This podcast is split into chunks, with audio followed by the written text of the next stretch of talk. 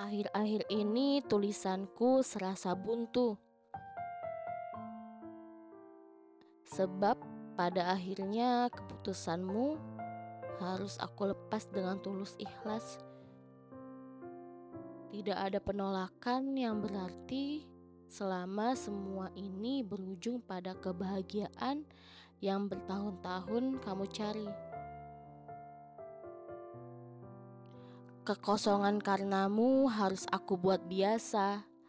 Tidak perlu dipaksa karena semua butuh waktu. Tentu rindu menyelinap kapan saja dan aku mempersilakannya sebagai tamu yang dibuat betah sekalipun aku porak-poranda.